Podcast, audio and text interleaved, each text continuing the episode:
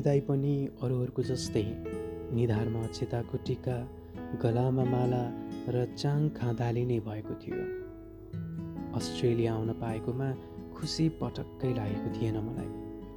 तर पनि डाहाले मलाई अरूले हेर्थे। मेरो भिसा लाग्नु र अरूको इष्टमित्र कुन लाग्नु? यही ईर्ष्याले जल्ने गर्दथे। अनि आफ्नालाई भन्थे फलानोको छोराको भिसा लाग्यो। तेरो किन लागेन? के उनीहरूलाई थाहा छैन? हरेक मान्छे उस्तै हुँदैनन्। त्यसैले कसैलाई कसैसँग तुलना गर्न मिल्दैन। आज म अस्ट्रेलिया आएको पनि पाँच छ वर्ष पुग्दैछ तर हात लाग्यो शून्य। नेपालमा खर्च गरेर आएको पैसा पनि उठाउन सकेको छैन तर पनि गुनासो छैन। मनमा यही भावना लिएर बसेको छु। सके उठाउला नसके त्यस्तै हो। हारेको छैन म न त हार्ने नै छु। सबैजनाले के बुझौँ भन्दा अस्ट्रेलियाले मौका सबैलाई दिन्छ। कमसे कम एकपटक। तर त्यो मौका बुझ्न जरुरी छ। आत्तिएर हतार गरेर केही हुँदैन। धैर्य भनेको परदेशको ठाउँमा सबैसँग हुनुपर्छ। हरेस खाएर आशै मार्नेको पनि कमी छैन यहाँ। खै हरेस किन खानु? बाँचिएकै छ।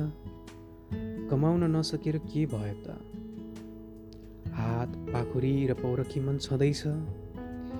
एकछिन जोस हराएर के भयो त? त्यो जोस फेरि फर्की आइ त हाल्छ।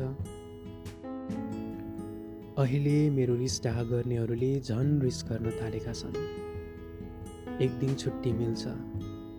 घुम्न जाम कि सुतेर बसो हुन्छ। तै पनि कहिले काहीँ जान्छु। घुम्छु फोटो हाल्छु। झन् डाहा हुँदो रहेछ। अहिले डाहा गर्नेका आफन्त नेपालमै बस्छन्। रमाउँछन् कमाउँछन् हरेक दिन डुल्छन्। पोखरा जान्छन् चितवन जान्छन् फोटोहरू हाल्छन्। म त्यो जीवनको कल्पना यहाँ बसेर गर्छु। कहिले घर जाउँ र धित मरुन्जेल त। आमाको काखमा बसौँ। मेरो देशको कुना कन्दरा घुमौँ। सधैँ यस्तै खयाल आउँछ। आखिर के पाएँ त मैले? ढाड भाँचिने गरी काम गर्नु पर्याछ हाँसो हराएको त उहिले भइसक्यो। मनदेखि हाँसेको त याद समेत गर्न गाह्रो छ। जहिलेको मुखबाट निस्कने फिस जाली हाँसो। त्यसलाई समेत छाडेनन्। भन्छन् खुब रमाएको छस् परदेशमा। आखिर अचानकको पीर खुकुरीले कसरी जानुहोस् विदेशमा बसेपछि सुख भनेको त्यस्तै हो। यादैमा बित्छ जिन्दगानी। भनिन्छ बाँचे संसार देखिन्छ हो म बाँचेकै छु तर मरेको पनि छु पटक पटक यो अन्जान सहरमा।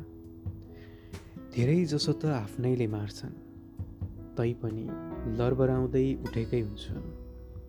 आफूमा विश्वास भए जस्तो दुःख पीडानी सहन र सामना गर्न सकिन्छ। त्यसैले आफूमा विश्वास हुनुपर्छ सही सोच हुनुपर्छ।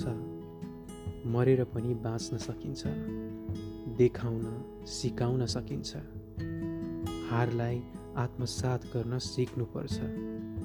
अनि नराम्रो मान्छे जुनसुकै कुनामा पनि हुन्छन् चिनेर पन्छाइदिनुपर्छ तर यति बुझ्नु जरुरी छ समय एक भ्रम हो। त्यसैले जिन्दगानीको पाठशालामा अबेर भन्ने कहिल्यै हुँदैन। अबको सोच त्यही छ। नेपाल नै फर्कने। विश्वास गर्नुहोस् नेपाल जतिको राम्रो ठाउँ अन्त कतै छैन। हिँड्नु छ चालेर पाइला आफ्नै बाटोमा।